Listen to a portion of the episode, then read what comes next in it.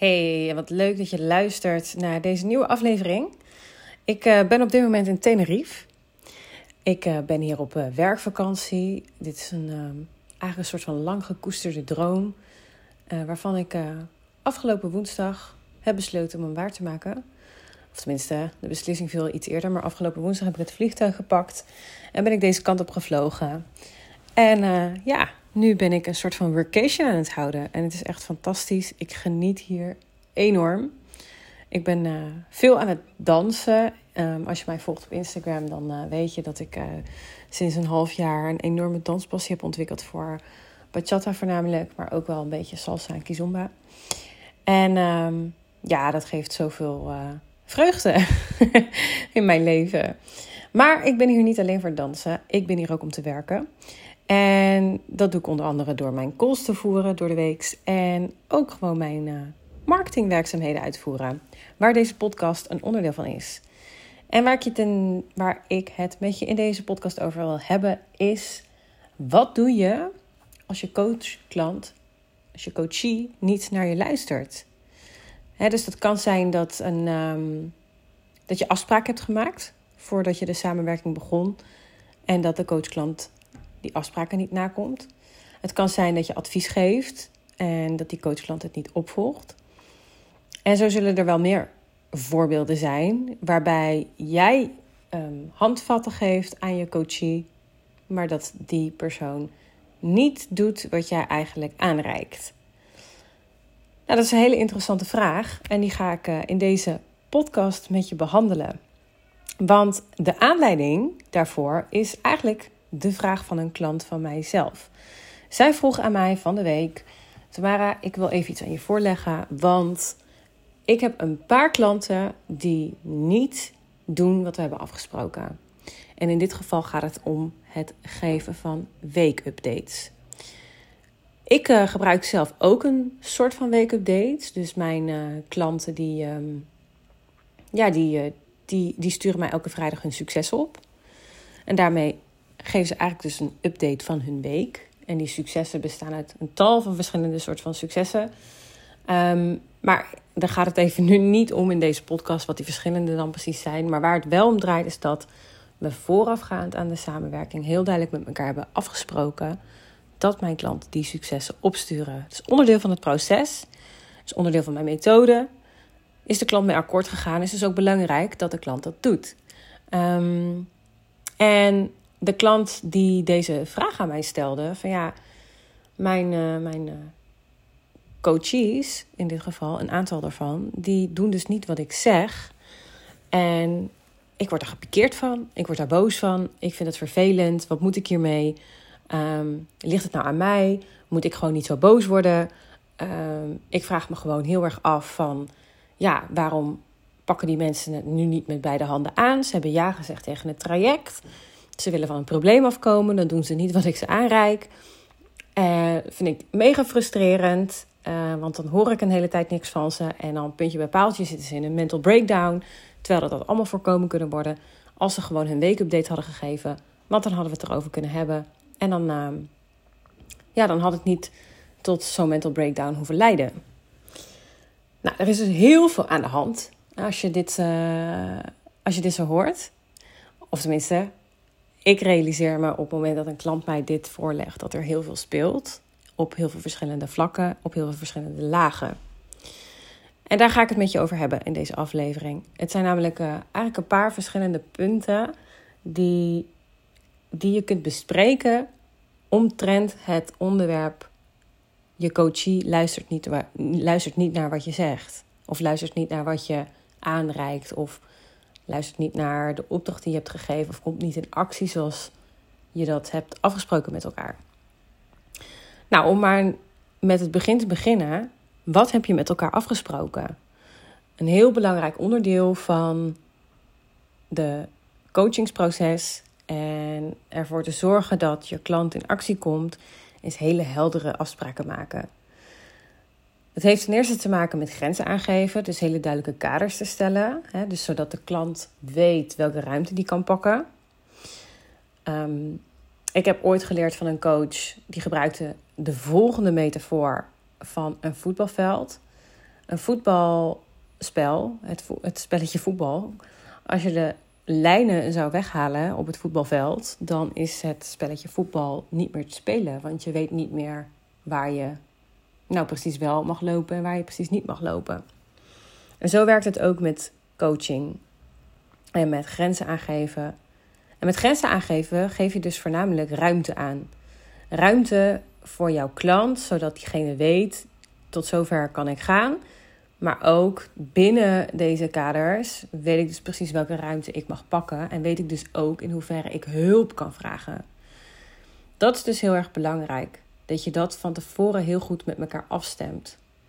Tegelijkertijd is het heel erg belangrijk dat je voordat je de samenwerking begint, heel erg goed met elkaar bespreekt wat je van elkaar verwacht. En in dit geval ben jij natuurlijk de coach. Dus jij bepaalt eigenlijk wat de verwachtingen zijn. Jij bepaalt de verwachtingen van je coachie.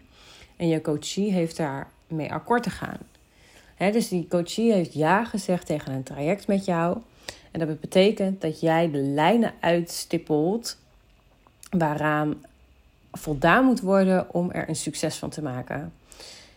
En daarin kun je ook heel erg aangeven van als je het maximale uit dit traject wil halen, dan is het de bedoeling dat je, nou laten we het voorbeeld nemen van die wake-updates of het, of het delen van succes of hoe je het ook wil noemen, dat je je daar aan houdt. Zorg ervoor dat, dat je in zo'n gesprek, en vaak gebeurt zoiets in een kick-off, dat, dat je coachklant daar ook echt mee instemt. Dat je coachie daar echt mee instemt. Um, dat kun je natuurlijk door heel veel manieren checken. Hè. Je kunt dat checken door: hè, is iemand echt aan het luisteren of hoort iemand enkel alleen maar wat je zegt? Hoe ziet het eruit qua lichaamstaal, et cetera? Dus zorg ervoor dat, dat, dat het echt begrepen wordt dat die afspraken die je met elkaar maakt niet zomaar gewoon voor de lol zijn, maar echt essentieel zijn voor het slagen van het traject. En dat de coachklant ook heel erg um, doorheeft van het belang van de afspraken die er gemaakt worden. En dat, en dat, dat, dat belang maak je eigenlijk gewoon duidelijk door, door te benoemen. Dus dat is punt 1. punt 2 is, uh, is dat ook mijn klant, uh, nou ja, vrij uh, gepikeerd toch wel uh, was. Om het feit dat, dat haar coaches, die, een aantal van haar coaches, die week-updates niet, niet deden. Dus ik um, ga even herhalen ook wat ik tegen haar zei. En dat is dat, um, is dat eigenlijk op het moment dat, dat jij als um, coach getriggerd wordt door het feit dat jouw klant iets niet doet wat jij diegene aanreikt.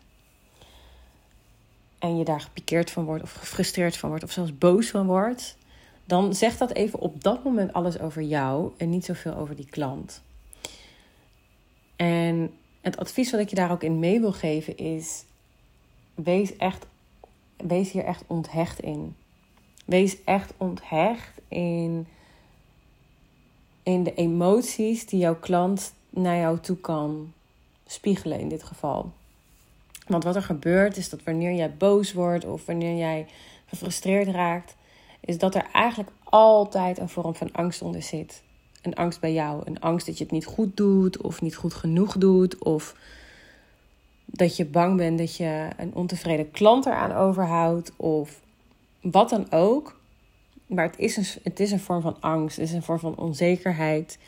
En weet je, dat is gewoon nergens voor nodig. Tenminste, kijk, als ik naar mijn klant kijk die deze vraag stelt, die. Zij is echt geweldig. Zij kan zoveel dingen uh, bereiken met haar klanten. Dat doet ze ook al. Ze heeft honderden mensen geholpen. Ze heeft een fantastisch bedrijf, een, een, een hartstikke mooie methode ontwikkeld. Als er iemand is die klanten echt heel goed helpt, dan is zij het wel. Maar zelfs zij heeft, ondanks die feiten, dit gevoel. Maar dat is dus iets meer van haar intern dan dat het een feitelijke waarheid is. Volg je me nog? Dus denk ook eens bij jezelf na van, heb ik dit ook? gebeurt dit ook bij mij. Dat wanneer klanten niet doen wat we hebben afgesproken, of het nou gaat over weekupdates of maandupdates, of gewoon het opvolgen van je advies of iets in die richting. Voel jij je dan ook getriggerd? Voel je dan ook een bepaalde irritatie? Want laat ik wel heel eerlijk zijn, hè? Het, is, het is wel menselijk. Het is niet, niet heel raar als je dat voelt. Alleen het gaat je niet helpen in dit proces en het gaat je klanten ook niet helpen in het proces. Dus het is wel zeker een ontwikkelpunt op het moment dat je die emoties ervaart. Want op dat moment is gewoon je eigen ego in het, gevaar, in het gevaar. Die voelt gewoon een vorm van afwijzing.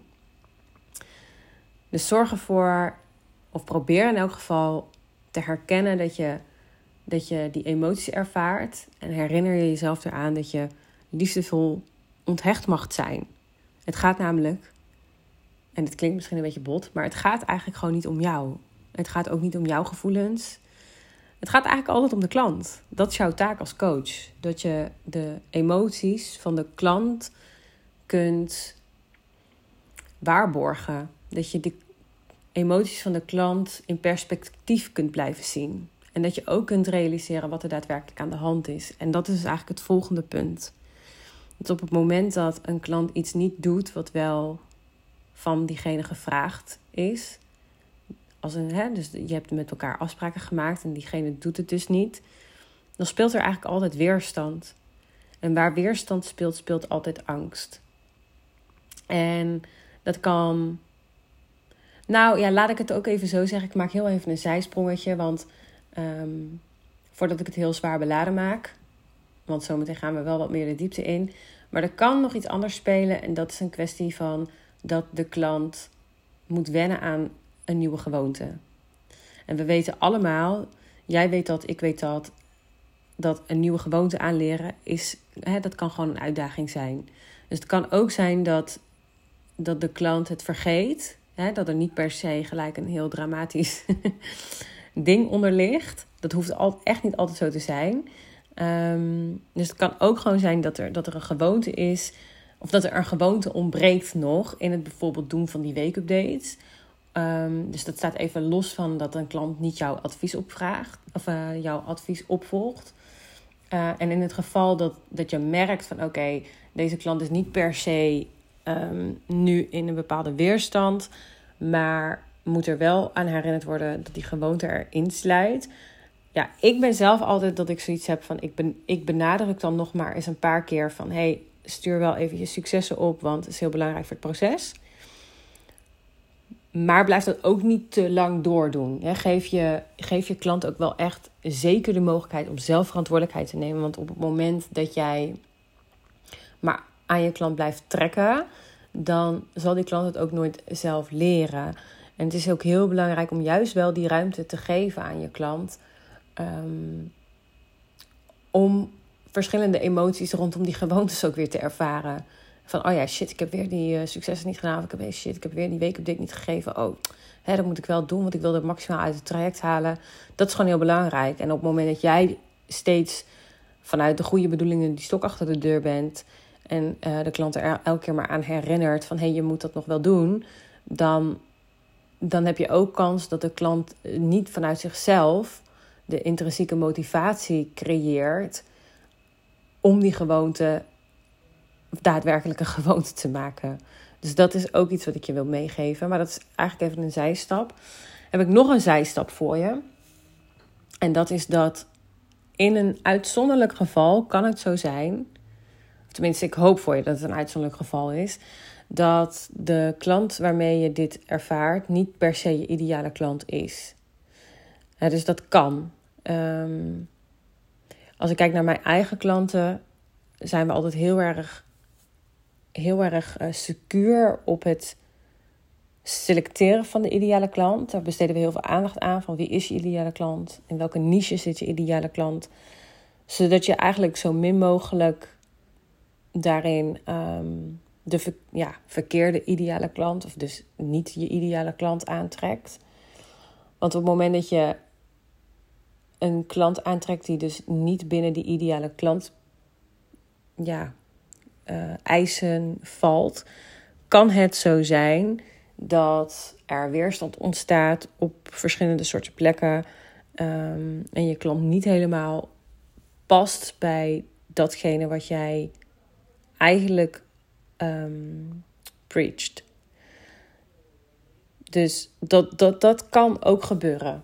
Dat kan gebeuren dat het niet je ideale klant is. En in het uitzonderlijke geval zou je ervoor kunnen kiezen om dan, wanneer er weerstand op weerstand plaatsvindt en er geen actie komt en je klant echt in slachtofferrol blijft zitten, dan in het uitzonderlijke geval zou je ervoor kunnen kiezen om de samenwerking te kunnen ontbinden. Maar ik ben daar zelf wel echt altijd heel erg voorzichtig in. En ook uh, het advies naar mijn klanten toe. Um, geef ik ook altijd aan van, van, je, van je moeilijkste klanten kun je ook altijd het meeste leren. Dus ook al is het dan misschien niet je meest ideale klant, je leert er sowieso wel echt heel veel van. En op het moment dat je van jezelf weet, ik kan nog steeds superveel van, voor deze persoon betekenen. En voor mij is er ook nog genoeg motivatie om me hier 100% voor in te zetten. Dan zou ik de samenwerking altijd voortzetten. Maar goed, dat was dus even zijstap 2. Dan gaan we even terug naar ehm, waar we het over hadden. En dat is dus ehm, dat je klant weerstand ervaart en dat daar angst onder ligt. En het allerbelangrijkste in dat geval is dat je klant gehoord wil worden en gezien wil worden voor de pijn die hij op dat moment ervaart. En even afhankelijk van hoe vaak jij je klanten spreekt en hoe snel dat weer gaat gebeuren op het moment dat je die weerstand herkent bij die klant, zou je er ook voor kunnen kiezen om die klant te kunnen bellen. Dus ik zeg ook al altijd tegen mijn klanten van, ehm, van ja, wanneer spreek je dan die persoon weer? Dus bijvoorbeeld met de klant die dus deze vraag aan mij voorlegt van, goh, wanneer spreek je dan die, uh, die persoon weer? Zij zei, ja, die spreekt dus uh, vanavond weer. Nou, dan hoef je niet s ochtends alweer te bellen. Dan spreek je gewoon diegene s'avonds. Maar het kan ook zo zijn van ja, ik spreek de klant eigenlijk pas over twee weken weer bijvoorbeeld. En dan, dan vind ik het zelf persoonlijk een te lange periode om iemand in zijn weerstand te blijven, ja, iemand in zijn weerstand te laten zwemmen. Als je hebt gerealiseerd dat uh, dat is wat er aan de hand is. En dan is even kort bellen met elkaar een service waarvan ik vind dat je die mag verlenen. Dat is ook iets wat ik zelf doe. Tijdens zo'n gesprek met die klant is het dus heel erg van belang dat diegene weer even zijn verhaal kan doen. wat is er aan de hand? Wat speelt er? Wat gaat er door je hoofd heen? Wat, uh, wat gebeurt er allemaal? En dat je ook kunt weerleggen van... klopt dit nu wat je, wat je voelt? is, het, is het waar wat je voelt? Zijn het um, reële gedachten? Of is het een verhaal wat je jezelf hebt verteld.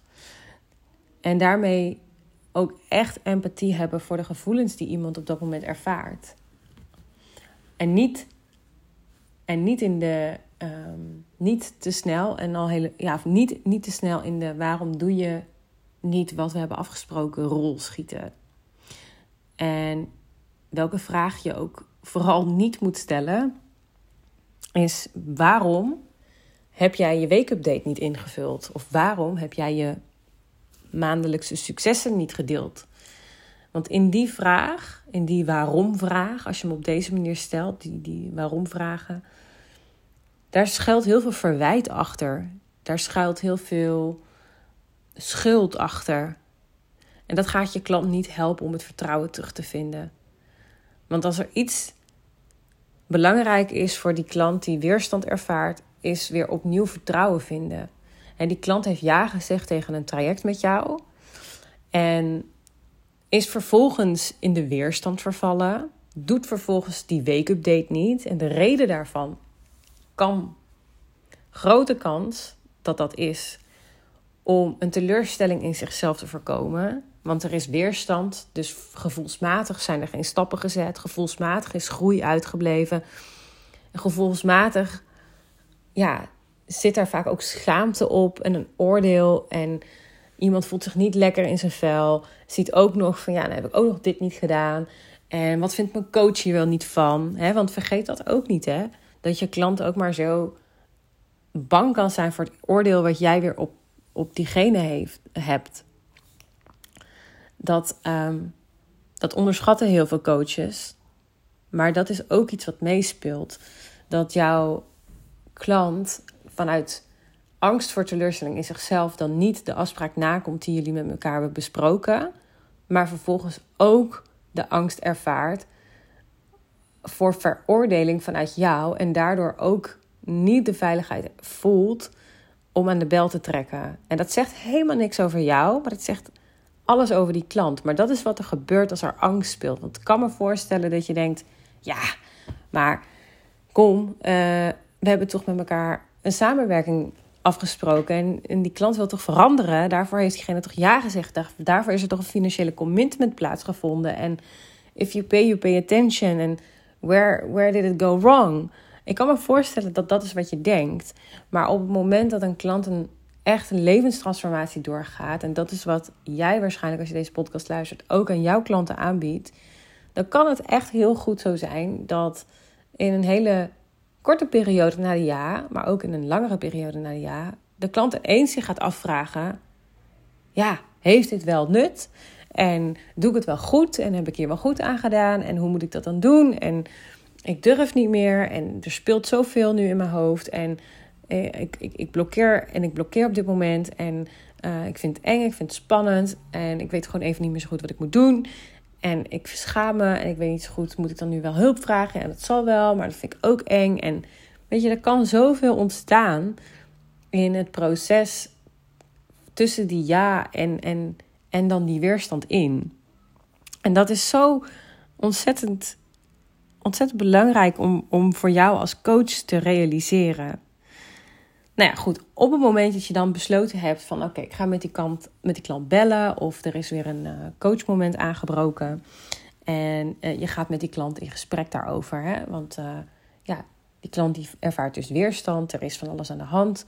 En jij ervaart ook eigenlijk allerlei emoties... maar je hebt al geprobeerd om je daarvan te onthechten... en je weet, het gaat niet om mij... dus ik ga nu helemaal onthecht dat gesprek in. Je laat je ego buiten de deur... en je gaat alle aandacht op die klant focussen...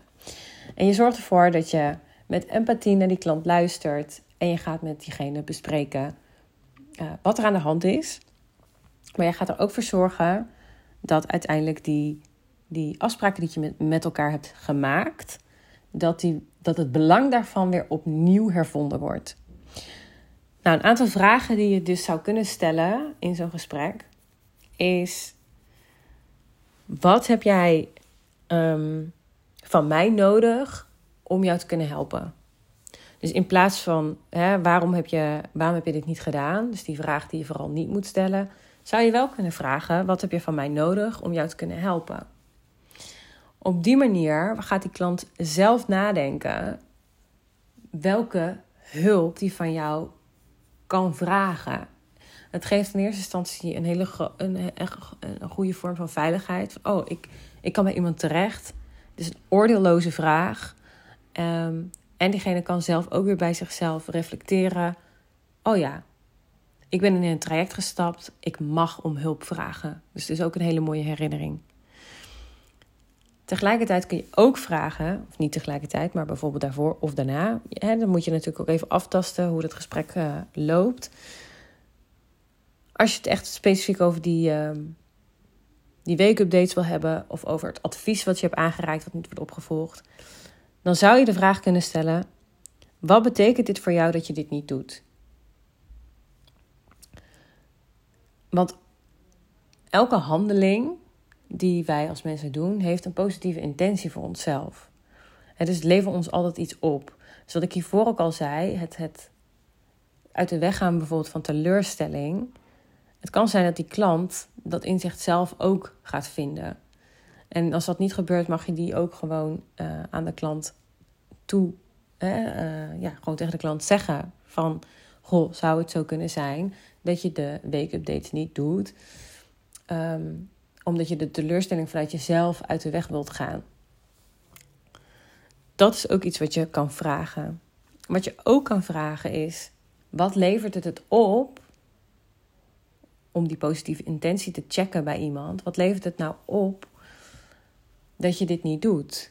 Wat levert je dat op? Wel, wat, wat, omdat die, elk gedrag wat wij dus als mensen doen, wat ik net ook al zei, doen wij uit een soort van positieve behoefte. We denken dan onbewust: als ik dit wel of niet doe, dan word ik er beter van. Of ervaar ik minder pijn. Zo kan ik het eigenlijk beter formuleren. Dus die vraag kan je ook stellen. Wat levert het je nou op als je het niet doet? Nou, uiteindelijk heb ik ook nog even contact gehad met mijn klant. Want ik vroeg aan haar van. Uh, want zij heeft vanavond uh, toevallig ook uh, met die klant gesproken. Dus ik vroeg aan haar van hoe is het gegaan?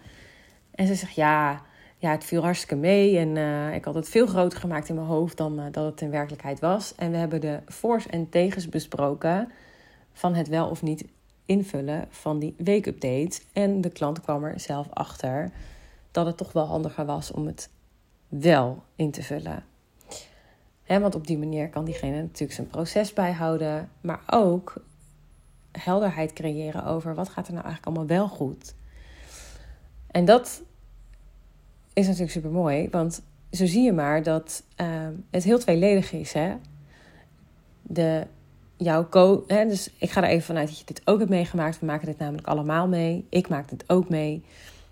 Dat jouw uh, klant dus niet doet wat je hebt gevraagd. Even gechargeerd gezegd. Jij wordt er gepikeerd van. En die klant zit ook in weerstand. Dus het is heel tweeledig. Er zijn twee mensen bij betrokken en er zijn twee emotionele werelden. En aan jou de taak als coach om jouw emoties eigenlijk te neutraliseren, zodat jij weer de holding space kan zijn voor jouw coachklant voor jouw coachie. En op die manier kun je ook gaan realiseren dat die weerstand van die coachie eigenlijk iets heel moois is. Ik zeg wel eens, zonder weerstand gaan er geen doorbraken plaatsvinden. Dat kan gewoon niet. Als er totaal geen weerstand is, dan is het te makkelijk. Dan, dan zit iemand volledig in zijn comfortzone. Dan wordt er niks echt geleerd. Weet je dan, ja, je kunt wel bepaalde stapjes zetten en dergelijke. Maar echte doorbraken, echte transformaties komen altijd vanuit weerstand. Altijd. Want uiteindelijk, als je kijkt naar angst, wat altijd onder weerstand ligt, is het tegenovergestelde van vertrouwen. En vertrouwen heb je weer nodig om je diepste verlangens waar te maken. En dat is vaak ook hetgene waar we het meest bang voor zijn. Hè? Dus dat, waar we het meest sceptisch voor zijn. Van kan ik dat wel echt waarmaken? Is het wel echt mogelijk voor mij? En dat levert dan weer weerstand op. Dus het is constant een vicieuze cirkel. Ik hoop dat je me nog volgt. dus ehm, weerstand is geen slecht teken. Het zegt helemaal niks over jou als coach. Het zegt helemaal niks over jouw ehm, kunnen over of dat jij wel genoeg er bent voor die klant of dat ehm, er wel goede resultaten behaald gaan worden of dat ehm, mensen je niet serieus nemen. Daar gaat het allemaal niet om. Dat is niet wat er speelt. Wat er speelt is dat die coachie een proces doorgaat. En dat die weerstand een onderdeel is van dat proces. En dat jij als coach diegene daarin hebt te begeleiden. Dat jij als coach weer het vertrouwen mag herstellen van die klant om weer in zichzelf te gaan geloven. En natuurlijk moet die klant dat vooral zelf doen. Maar jij kan wel al die ruimte daarvoor bieden om ervoor te zorgen dat die klant het ook weer kan gaan zien en weer kan gaan voelen. En daarmee gaat die klant echt hele mooie stappen zetten. En dat is een hele mooie, ja, het is gewoon een prachtig onderdeel van, van ons werk als coach. Nou ja, en dat is uh, wat ik je eigenlijk wilde meegeven in deze podcast. Dat wanneer je coachklant dus niet luistert, je er heel veel verschillende dingen aan kunt doen om ervoor te zorgen dat het wel gebeurt. He, dus in eerste instantie preventie, kaders aangeven, heel erg ervoor zorgen dat die afspraken helder zijn, het belang van die afspraken helder zijn. En dat je daarna, als het toch uitblijft, heel even checkt: oké, is het echt mijn ideale klant? Hoe vaak is dit al gebeurd? Gaat het om gewoontes? Moet ik, me, moet ik iemand er even twee keer aan herinneren dat dit de bedoeling is? En ook even weer opnieuw het belang aanstippen. Um, en er heel even kort over sparren met diegene. Of gaat het echt over diepe weerstand? En is iemand wellicht in een mental breakdown beland of wat dan ook? En is er, voor, is er op dat moment heel erg nodig dat iemand zich gehoord en gezien wordt en gezien voelt? En dat het vertrouwen in zichzelf hersteld wordt. En ga je diegene dan bellen of ga je diegene snel weer spreken, zodat je dat gesprek met elkaar kunt voeren? Dat is eigenlijk de korte samenvatting van deze podcast. Dus op het moment dat je dit ervaart, denk dan eens bij jezelf terug: oké, welke emoties ervaar ik? Wat kan ik hier zelf aan doen? Welke onthecht, hè, van welke emoties heb ik mezelf nu te onthechten? Bedenk dat nu ook eens voor jezelf. Hè? Van welke emoties kan jij jezelf nu onthechten, zodat jij nog beter die veilige haven kunt zijn voor jouw coachklant? Ja, dat, uh, dat was hem eigenlijk. Ik hoop echt oprecht dat je heel veel aan deze podcast hebt. Um, ik heb deze vraag al best wel vaak gekregen. En uh, ik denk dat het goed is om het eens een keer zo op deze manier uh, bespreekbaar te maken. Laat me vooral ook weten wat je er aan, gehad hebt. Ik ben ook heel erg benieuwd of je zelf dit hebt meegemaakt.